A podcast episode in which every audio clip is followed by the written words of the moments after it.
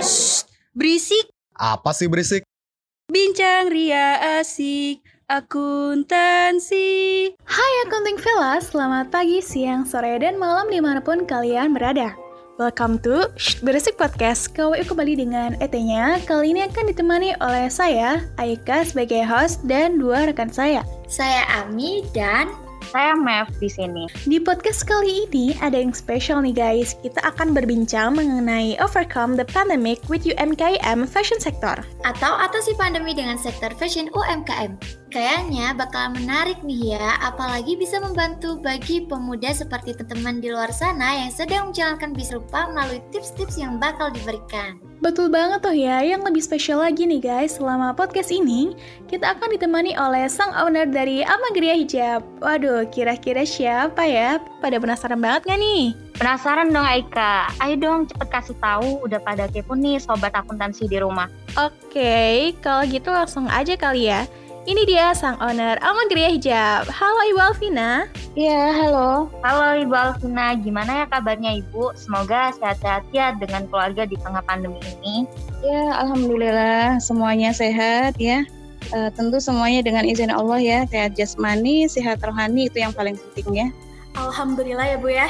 Nah, biar teman-teman di rumah lebih mengenal Ibu Alvina nih, Mungkin Ibu bisa memperkenalkan terlebih dahulu kepada sobat akuntansi di rumah. Silakan. Ya, nama saya Alvina Solihatin. Saya kelahiran Gresik ya.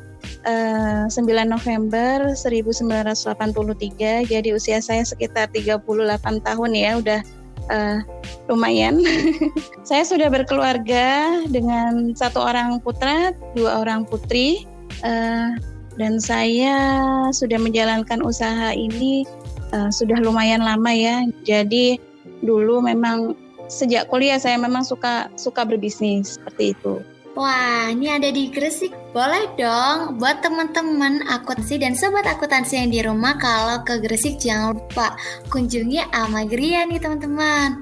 Nah, sekarang teman-teman yang lagi di rumah udah pada kenal dong ya dengan Ibu Alvina ini dan juga pasti penasaran banget sama topik kali ini. Langsung aja kali ya, Bu, buat ngasih tahu teman-teman kita kira-kira usaha apa sih yang saat ini Ibu jalankan dan bagaimana cara Ibu menjalankannya. Ya, untuk saat ini saya menjalankan usaha butik ya.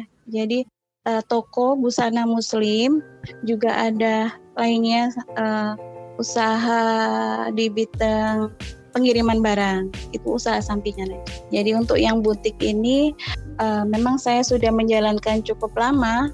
Jadi di butik kami me menjual keperluan busana muslim baik dari uh, mulai anak-anak maupun dewasa seperti itu. Oh, jadi gitu ya, Bu. Wah, ini ada usaha sampingan di samping membuka butik juga membuka usaha pengiriman barang juga ya, Bu. Oke, nah sekarang nih Bu, yang bikin penasaran pakai banget nih, mungkin teman-teman di rumah juga pengen nanya nih Bu, gimana sih awal mula berdirinya Amageria dan apa sih alasan Ibu untuk langsung terjun di bisnis ini? Ya, jadi awalnya memang uh, sejak kuliah saya memang suka uh, berkecimpung di bisnis ini. Saya di bisnis fashion ya. Jadi dulu awalnya saya produksi sambil kuliah ya karena untuk kebutuhan kuliah juga jadi saya saya harus kuliah sambil bekerja seperti itu. Jadi setelah jadi dulu awalnya seperti itu, kemudian saya produksi. Dulu awalnya produksi dulu ini. Jadi sebelum buka butik saya produksi dulu.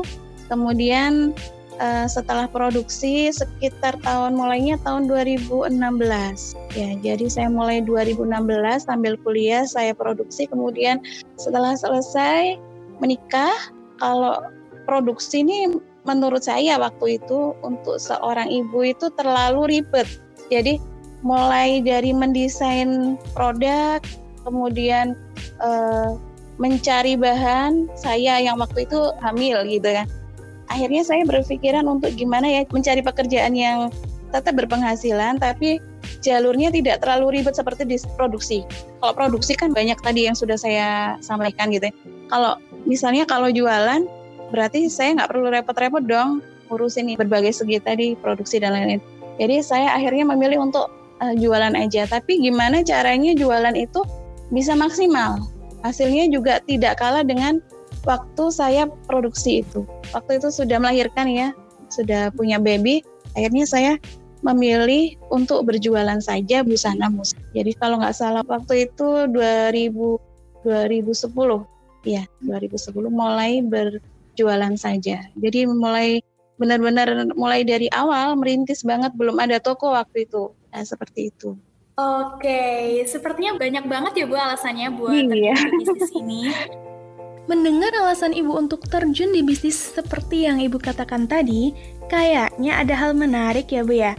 Nah, kira-kira hal menarik apa sih yang membuat Ibu berbisnis Amagria saat ini? Ya, karena dulu di daerah saya kebetulan yang berjualan busana muslim ini belum terlalu banyak gitu ya. Kebetulan kami tinggalnya bukan di Gresik kota, kami tinggalnya di Gresik tapi utara, jadi tidak di tengah-tengah kota. Di mana di daerah saya waktu itu memang belum terlalu banyak yang jualan. Di situ saya melihat kemungkinan ini adalah peluang seperti itu. Sehingga waktu itu saya mulai mendistribusikan barang-barang branded ya, barang branded di mana masih susah didapatkan oleh orang yang tinggal tidak di kota. Bukan terlalu desa juga sih gitu. ya, tapi yang jelas tidak di kota. Jadi kami memerlukan waktu sekitar 30 sampai 60 menit untuk sampai ke kota. Di situ saya menangkap ada peluang usaha. Jadinya saya uh, berusaha untuk mendistribusikan barang-barang branded yang masih susah didapatkan oleh orang-orang di, di daerah saya agar mudah didapatkan. Benar banget nih, sangat menarik sih dari uh, idenya dan juga peluang yang Ibu Alvina ini manfaatkan. Nah, Bu, omong-omong pada saat awal-awal banget nih mulai bisnis Amagria itu, hal-hal apa aja sih yang Bu Alvina itu persiapkan? Kan soalnya juga antara di Gresik Utara ini sampai ke kota kan juga lumayan jauh tuh. Kira-kira kayak gimana aja sih persiapannya? Uh, persiapan, ya awalnya memang tidak ada persiapan ya. Awalnya memang saya tidak ada persiapan. Sebetulnya waktu itu memang ada ide menjual dan ada peluang. Jadi kebetulan waktu itu saya punya teman iseng-iseng eh bantu jualan. Oke okay lah saya bantu jualan gitu ya. Jadi saya waktu itu awal memulainya tanpa modal sama sekali. Dan kebetulan pemilik brand yang saya jual itu teman saya. Jadi saya waktu itu hanya membawa dan menjualkan saja. Tapi di situ saya punya target. Jadi ketika saya bawa, saya harus laku minimal 75%. Karena kita tentu tidak ingin mengecewakan orang yang sudah memberi peluang ke kita kan seperti itu. Kemudian persiapannya, ya pokoknya bondo nekat aja. Ketika kita punya ide, kemudian itu hanya sebatas di otak kita, nggak dikerjakan, yaitu akan menjadi sesuatu yang percuma. Tapi kalau kita langsung mengerjakan masuk apa aja uh, persiapannya? Nggak usah persiapan ya. Yang penting langsung terjun dulu. Nanti di situ baru itu kita pikirin. Jadi kalau kita sudah ancang-ancang dulu tapi nggak dikerja kerjain ya nggak jadi jadi nggak jalan-jalan usaha kita. Seperti itu. Oh begitu ya Bu ya. Jadi mungkin pada awalnya tuh kayak belum sama sekali bikin kayak semacam rancangan bisnis plan atau BMC yang kini sedang terkenal itu. Tapi dari tekad yang kuat dan juga melihat peluang yang besar itu ya Bu ya dimulainya. Iya betul. Jadi memang uh, seiring dengan berjalannya waktu, kemudian semakin berkembang usahanya baru uh, saya memikirkan hal-hal seperti itu. Uh, bagaimana nanti uh, perkembangannya, punya strategi apa. Tapi yang jelas memang sudah punya target Mbak Vira. Jadi waktu itu saya memang ketika saya mendapatkan barang misalnya 100 piece gitu ya, saya sudah punya target nih, saya mau ke mana aja, saya mau pasarkan ke mana aja gitu. Jadi waktu itu uh, setiap hari ya mungkin apa ya, mungkin uh, tidak seperti bayangan teman-teman ya. Tiba-tiba ada modal gede, saya buka butik enggak, enggak seperti itu. Tapi saya betul-betul memulai usaha ini dari awal. Jadi dulu saya saya aja nggak punya motor loh gitu. Jadi ini serius ya, saya nggak punya motor. Saya ambil barang itu naik angkot waktu itu ya, sambil kuliah juga waktu itu. Jadi seperti itu. Tapi saya punya target. Uh, saya targetkan ketika saya dapat barang segini, harus minimal laku sekian, saya mau ke mana aja nih. Jadi saya bikin perencanaan gitu, target market saya si A, si B, si C. Jadi setiap hari saya jualan, bawa sepeda ontel itu, ya barang saya saya bawa di depan. Jadi mulainya seperti itu, benar-benar memulai usaha saya dari benar-benar dari nol, tanpa modal sama sekali. Baik, kita lanjut nih. Kalau proses operasionalnya sendiri nih dalam bisnis ibu ini, bagaimana Bu? Seperti jam buka tutup, mungkin jumlah karyawan atau sis penyediaan stok atau mungkin yang lainnya gitu Bu? Oh iya, jadi uh, jadi mulai awal yang dulu itu, kemudian berkembang, saya buka buka toko ya di sebelah rumah kecil. Waktu itu belum, saya belum ada karyawan. Jadi prosesnya lumayan lama saya buka toko dari uh, dari ukuran tiga kali tiga, kemudian diperluas lagi, diperluas lagi. Itu awalnya tidak ada karyawan, kemudian karena saya berpikir ketika saya ada aktivitas lain atau ada usaha lain, maka uh, toko saya tidak boleh tutup. Nah, baru dari situ saya belajar lebih banyak lagi tentang usaha ya. Akhirnya saya memperkerjakan karyawan dari satu sampai sekarang uh, ada lima orang. Untuk jamnya jam bukanya ini uh, dari awal saya buka toko itu 10 tahun yang lalu ya. Itu dari jam 7 sampai jam 9 malam bukanya. Jadi untuk ukuran dulu awalnya toko saya itu di dalam kampung bukanya ya jam segitu. Tutupnya ya jam 9 dari jam 7 sampai jam 9 istiqomah aja jam segitu sampai jam segitu. Entah itu panas entah itu hujan pokoknya buka aja jam segitu gitu dan untuk setelah ada pandemi ini kita tutupnya jam 8. Dari buka jam 7 sampai jam 8 malam. Kemudian apa ya? Tadi sistem stok ya? Iya, iya Bu. Untuk stoknya ya waktu itu saya eh, tahun 2013 kalau nggak salah saya sudah memulai untuk menggunakan program kasir. Jadi awalnya masih manual, dulu pakai nota tulis biasa, kemudian 2013 eh, atau 2012 kalau nggak salah saya sudah menggunakan program kasir. Jadi stoknya dilihat dari situ. Seperti itu. Oh, berarti karena awalnya itu bukannya sampai jam 9 malam dan sekarang karena pandemi bukannya jam 7 sampai jam 8 malam. Benar ya, Bu ya? Iya betul Mbak Ani. Keren banget nih Ibu masih tetap bertahan di masa pandemi. Nah Ibu karena lagi membahas topik di tengah pandemik nih kebetulan banget. Bagaimana sih cara Ibu untuk mengontrol kesehatan karyawan Bu di tengah pandemi ini agar tetap mematuhi protokol kesehatan, mencegah penularan COVID, juga di samping itu usaha tetap lancar. Ya setelah ada pandemi ini kami menyediakan vitamin C untuk karyawan setiap harinya ya. Jadi kami sediakan vitamin C di butik, dikonsumsi karyawan setiap harinya. Ya sesuai dengan protokol kesehatan ya. Gitu aja. Oke, walaupun sedang berbisnis ya Bu ya, tidak lupa juga buat menjaga kebersihan, menerapkan protokol kesehatan kepada karyawan, dan segala macamnya. Nah, mungkin teman-teman di rumah juga ya, jangan lupa buat disiplin serta selalu mengikuti protokol kesehatan dalam mengurangi penyebaran COVID-19. Omong-omong nih Bu, di Amagria ini produk apa aja sih yang Ibu sediakan atau Ibu jual kepada customer di luar sana? Uh, jadi kami menjual perlengkapan busana muslim ya untuk anak-anak maupun dewasa dari keperluan laki-laki maupun perempuan ya dari ujung kaki sampai ujung kepala gitu ya. Jadi ada kaos kaki untuk hijab kaki ya sampai dengan yang paling atas ya uh, hijab kepala seperti itu. Jadi semuanya ada. Termasuk juga kami jual tas, dompet dan lain-lain itu ada. Wow, mantap betul ya Bu. Jadi ada beragam jenis fashion. Bahkan ada dompet juga ya Bu ya sebagai pelengkap fashion. Nah mungkin teman-teman di rumah nih yang ada di Gresik bisa beli ya di Amagria ini karena super lengkap banget. Jadi teman-teman gak usah deh nyari di toko yang berbeda, apalagi kalau misal tokonya jauh. Aduh, bikin mager banget gak sih? Oke, pertanyaan selanjutnya nih Bu. Nah, tadi kan Ibu sudah sebutkan berbagai macam produk. Sekarang, bagaimana kalau misalnya produk Ibu ada yang cacat? Apakah tetap dijual atau menjadi kerugian dalam usaha Ibu nih? Iya, jadi uh, selama kami masih punya kesempatan buat retur. Itu barang yang cacat akan kami retur barangnya. Jadi kami kembalikan ke supplier. Akan tetapi jika kami sudah tidak punya kesempatan untuk retur, ada waktunya maksimal satu bulan, dua bulan, tiga bulan gitu. Masing-masing brand memiliki ketentuan yang berbeda. Nah, baik ya Bu ya. Mungkin ini juga bisa ditiru oleh teman-teman yang akan berbisnis di bidang fashion. Nah Bu, omong-omong juga kan sekarang kan masih dalam pandemik ya Bu, dan Ibu juga tadi udah kayak menyinggung tentang uh, pemesanan via online. Nah, sebenarnya uh, untuk via online itu sendiri udah dilakukan dari sebelum pandemi atau baru saja dilakukan saat adanya pandemi ini Bu yang membatasi kita buat uh, kayak ke toko.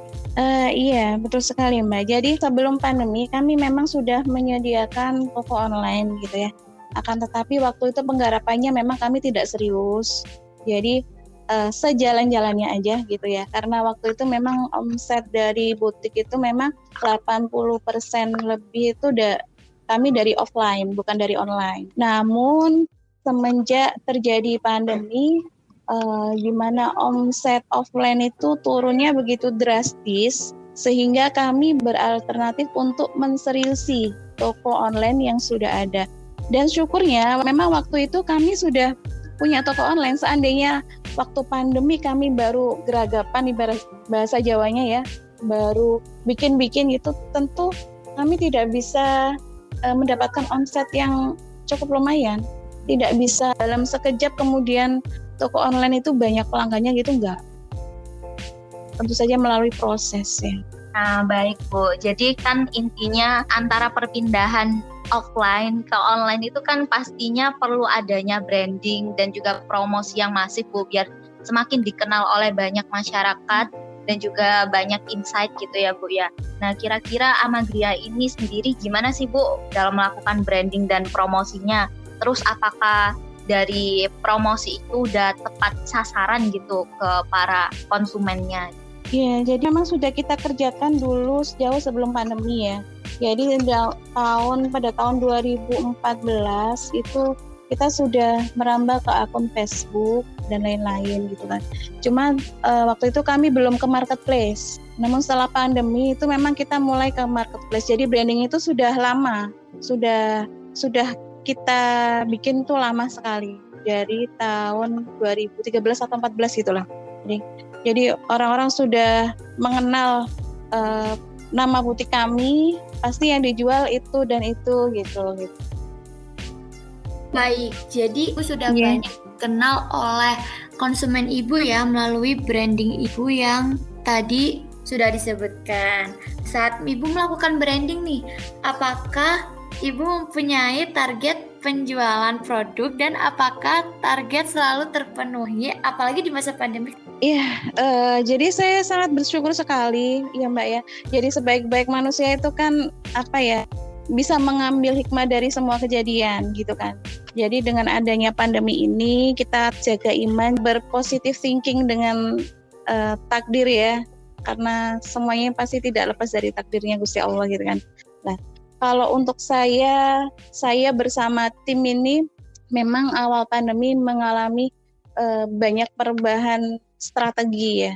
Tapi itu kondisi yang ada akhirnya membuat kami untuk membuat strategi baru uh, dan kami uh, saya tanamkan pada tim saya terutama itu tidak boleh menyerah selagi kita masih bernafas gitu ya kita tidak boleh menyerah seperti itu jadi uh, banyak sekali yang kami harus kami pelajari pada saat awal-awal itu.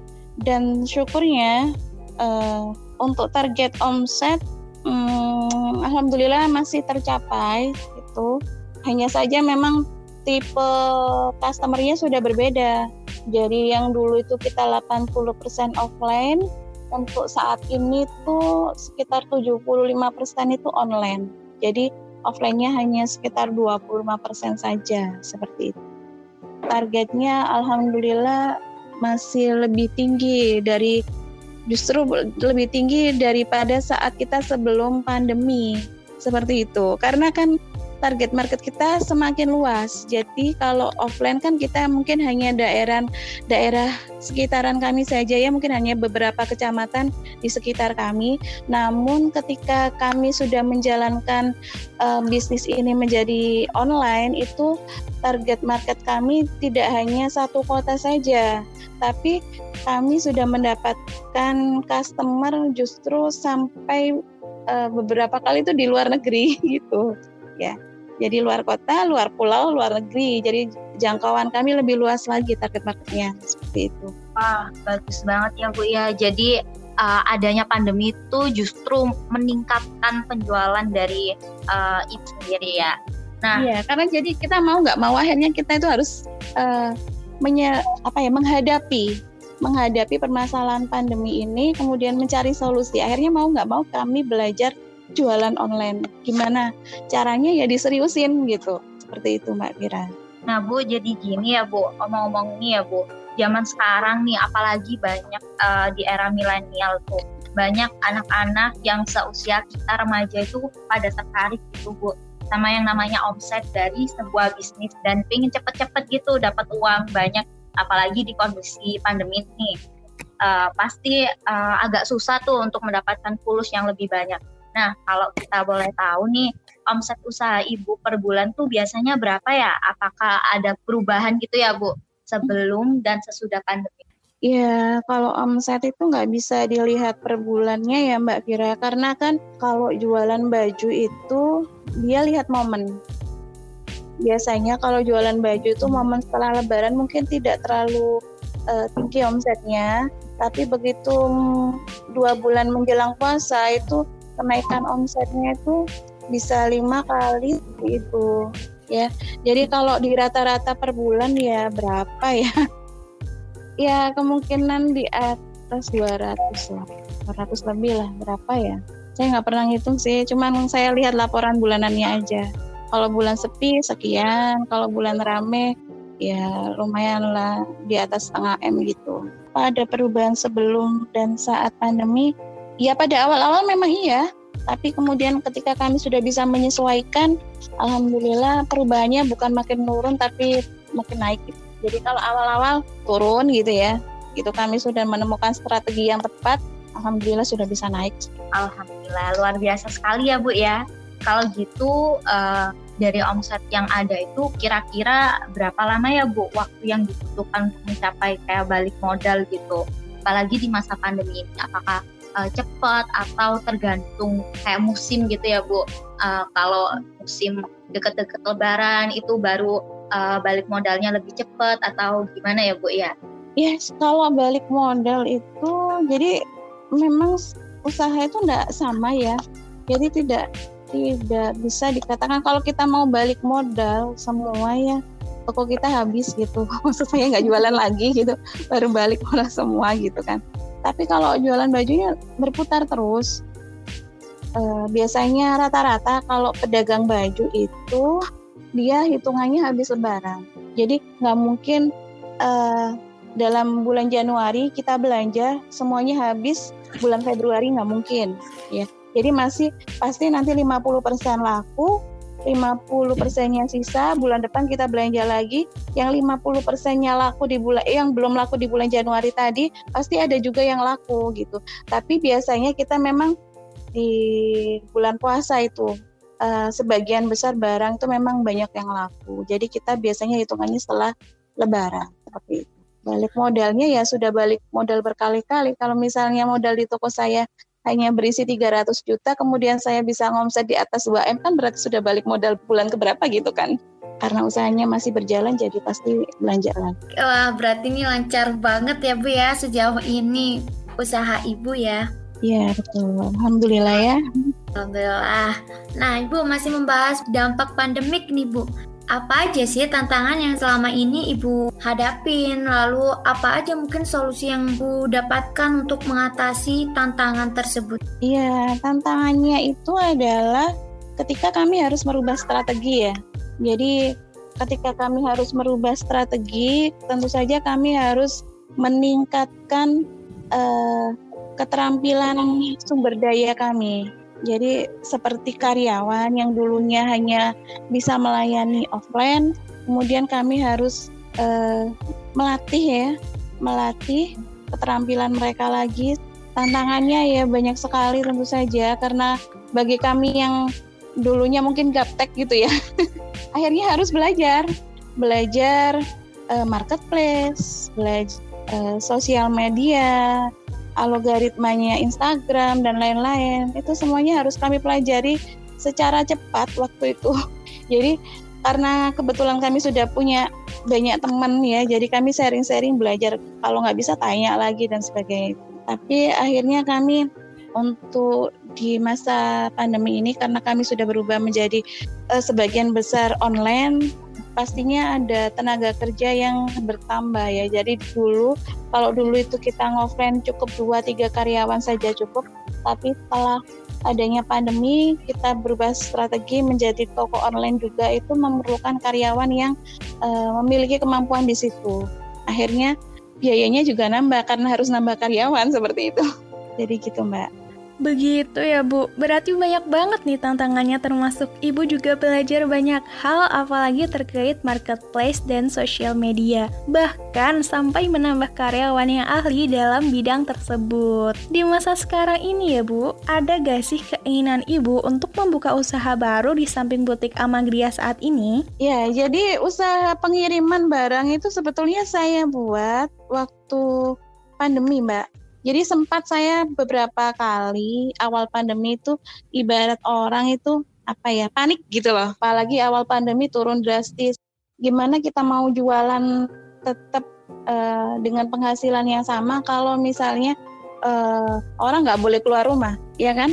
Jadi waktu itu saya mikir nih, apa ya yang meskipun uh, pandemi masih jalan. Jadi waktu itu kami sempat jualan gula juga, tapi ternyata apa ya labanya nggak terlalu ya jadi termakan sama biaya distribusi seperti itu kemudian yang kedua yang masih jalan sampai saat ini dari awal pandemi sampai saat ini yaitu usaha pengiriman barang. Jadi kami join dengan satu perusahaan uh, nasional, kami menjadi salah satu agennya seperti itu. Gitu, Mbak. Oke, bagus banget ya, Bu ya. Jadi uh, selain Amagria ini uh, masih ada gitu apa usaha di samping itu. Oke, uh, mau nanya nih Bu, misalkan ya Bu ya, misalkan aja nih semoga jangan sampai dan amit-amit gitu ya Bu ya. Tapi misalkan apabila usaha Ibu ini terpaksa harus tutup, uh, apa sih Bu langkah yang akan Ibu ambil? Apakah mulai bisnis baru atau mungkin harus menunggu hingga pandemi selesai baru berbisnis lagi atau melakukan hal yang lain seperti tadi yang bisnis pengiriman barang itu tadi? Hmm, jadi kalau tutup ya jangan sampai gitu Mbak ya karena pengalaman yang lalu ya jadi kita uh, waktu mau bikin usaha baru itu ternyata sebetulnya lebih lebih enak ya lebih mudah kita itu mempertahankan usaha yang ada. Tapi bertahan itu bukan untuk tidak maju bukan. Tapi kita menyerang. Jadi kita nggak boleh menyerah. Apalagi untuk usaha yang ini sudah saya 10 tahun rintis gitu kan. Rasa-rasanya kalau mau tutup ya janganlah gitu Walah, begitu ya Bu ya. Nah, sekarang nih mewakili pertanyaan teman-teman di rumah, terutama bagi teman-teman di luar sana yang ingin memulai atau ingin membuka bisnis baru di kondisi seperti ini. Mungkin sobat akuntansi pada penasaran juga ya. Apakah Ibu akan merekomendasikan orang-orang yang mencoba membuka usaha di tengah pandemi dan PPKM ini? Kalau misal tidak, menurut Ibu bagaimana sih cara mencari uang bagi orang-orang yang ingin mempunyai pemasukan di masa pandemi ini? Atau jika iya, apakah ada tips untuk mereka yang mau membuka usaha di tengah PPKM dan pandemi ini, termasuk cara mempertahankan usaha atau mungkin yang lainnya, Bu? Ya, jadi apa? Rekomendasi ya untuk orang-orang yang membuka usaha ya. Jadi memang sebagian besar masyarakat ini kan banyak yang terkena apa Mbak pemberhentian ya ya, ya dampak dari pandemi PHK lah seperti itu. Ya kalau menurut saya kalau memang terpaksa harus PHK ya kena PHK itu kan sudah bukan apa ya keinginan kita ya kita harus ikhtiar yang lain dong seperti itu. Jadi masih banyak jalan menuju Roma. Jangan pernah menyerah seperti itu. Usahanya apa? Ya dicari. Kalau memang kita mas hanya punya kita hanya bisa menjual atau apa ya ya seadanya kita apa yang kita bisa lah seperti itu. Jadi kita bisa jualan ya jualan apa harus jangan mikirin modal. Udah jangan mikirin modal. Kita bisa apa? Kalau cuman sebagai dropshipper ya dropshipper. Itu aja kita cuman butuh kuota butuh HP kita belajar ya itu aja. Cuman modal itu aja. Udah bisa kok. Jadi uh, jangan pernah menyerah. Uh, peluang itu pasti ada kalau kita mau nyari. Ya mungkin yang paling mudah itu adalah menjadi dropshipper. Ya mungkin modal pun hanya sedikit ya. Sedikit kalau laku kita bayar gitu aja itu yang paling mudah Iya Bu, intinya asal ada kemauan ya Bu, pasti ada iya jalannya. betul Nah, dilihat dari situasi Ibu sekarang ini nih, apa aja sih rencana usaha bisnis Ibu dalam lima tahun ke depan? Iya, untuk lima tahun ke depan tentu saja rencananya harus berkembang ya. Jadi mungkin yang dulunya dari segi omset, dulunya mungkin sekian harus naik sekian persen gitu. Kemudian dari yang karyawannya sekian harus menjadi sekian. Ya, pada intinya keinginan untuk membuka lapangan pekerjaan lebih banyak itu ada. Yang pastinya nanti kalau kita ingin membuka lapangan pekerjaan lebih banyak, pastinya usaha kita harus berkembang kan seperti itu. Jadi untuk sekarang, kalau dulu mungkin orang itu tar ukuran berkembangnya sebuah butik itu mungkin dengan banyaknya jumlah outlet, tapi untuk sekarang tidak. Jadi itu bukan jaminan outletnya semakin banyak itu berarti berkembang bukan. Tapi kalau sekarang itu untuk uh, di zaman yang se uh, teknologi semakin maju seperti ini nggak penting outletnya banyak. Yang penting untuk apa toko online-nya banyak gitu dan omsetnya banyak gitu. Jadi nggak jaminan outletnya banyak itu pasti sukses enggak gitu. Nah, untuk teman-teman di rumah nih, siap-siap lebih fokus dengerin lagi ya, karena ini yang paling menarik nih. Apa sih pesan yang ingin Ibu sampaikan kepada para pemuda yang ingin menjalankan usaha tapi masih ragu-ragu dalam memulainya? Dan mungkin Ibu punya pesan yang ingin Ibu bagikan untuk sesama selaku bisnis di era pandemi ini. Uh, jadi pesannya kepada para pemuda, pemudi, ya uh, jangan banyak pikir gitu ya. Jangan terlalu banyak pertimbangan sampai nggak jalan-jalan. Ibaratnya gini, kita mau ke Gresik nih, tapi masih di rumah kan. Nanti bisnya jam berapa ya? Terus nanti kalau seandainya saya ditinggal bis gimana ya? Oh terus nanti misalnya di sana ada macet gimana ya? Akhirnya kita nggak jalan-jalan. Tapi kalau kita udah jalan, ya udah nanti dikerjakan aja. Jangan menyerah, jangan banyak pikir. Pokoknya ketika ada peluang tangkap, ya kan? Kemudian dikerjakan. Harus sungguh-sungguh menjada wajada ibaratnya kan. Jadi siapa yang bersungguh-sungguh itu pasti akan berhasil ketika ada kesempatan peluang diambil dikerjakan dengan sungguh-sungguh. Kemudian jangan lupa yang penting itu adalah kita harus kerja ikhlas ya. Kalau kita kerja ikhlas insya Allah nanti ada kemudahan dari Allah. Jadi kadang orang itu kan berpikir secara logika saja ya kan. Tapi di situ dia tidak berpikir bahwasanya ada tangan-tangan yang menggerakkan yang memudahkan. Misalnya gini pembeli ya. Misalnya pembeli. Kalau saya prinsip saya kalau pembeli itu sebetulnya yang menggerakkan hatinya adalah Allah ya jadi ketika kita itu sudah bersungguh-sungguh niatnya ikhlas bekerja dengan baik insya Allah nanti kita akan menemukan jalannya niatnya jangan lupa ditata jangan hanya sekedar mencari saja ya kan tapi kita harus uh, punya niat yang jauh lebih besar daripada itu. Misalnya pengen membantu orang tua, pengen beribadah karena sem ibadah semuanya itu kan butuh dana ya. Jadi harus cita-citanya harus lebih besar. Kalau cita-cita kita besar, maka yang kita gapai pun besar. Tapi kalau kita cita-cita kita kecil hanya sekedar supaya aku bisa jajan aja, dapatnya juga kecil gitu. Seperti itu. Jadi ya harus punya tekad ketika ada peluang dikerjakan dengan sungguh-sungguh ya itu. Baik, Bu. Ini buat teman-teman yang lagi fokus ngedengerin jangan sampai dilupain ya. Jangan banyak pertimbangan.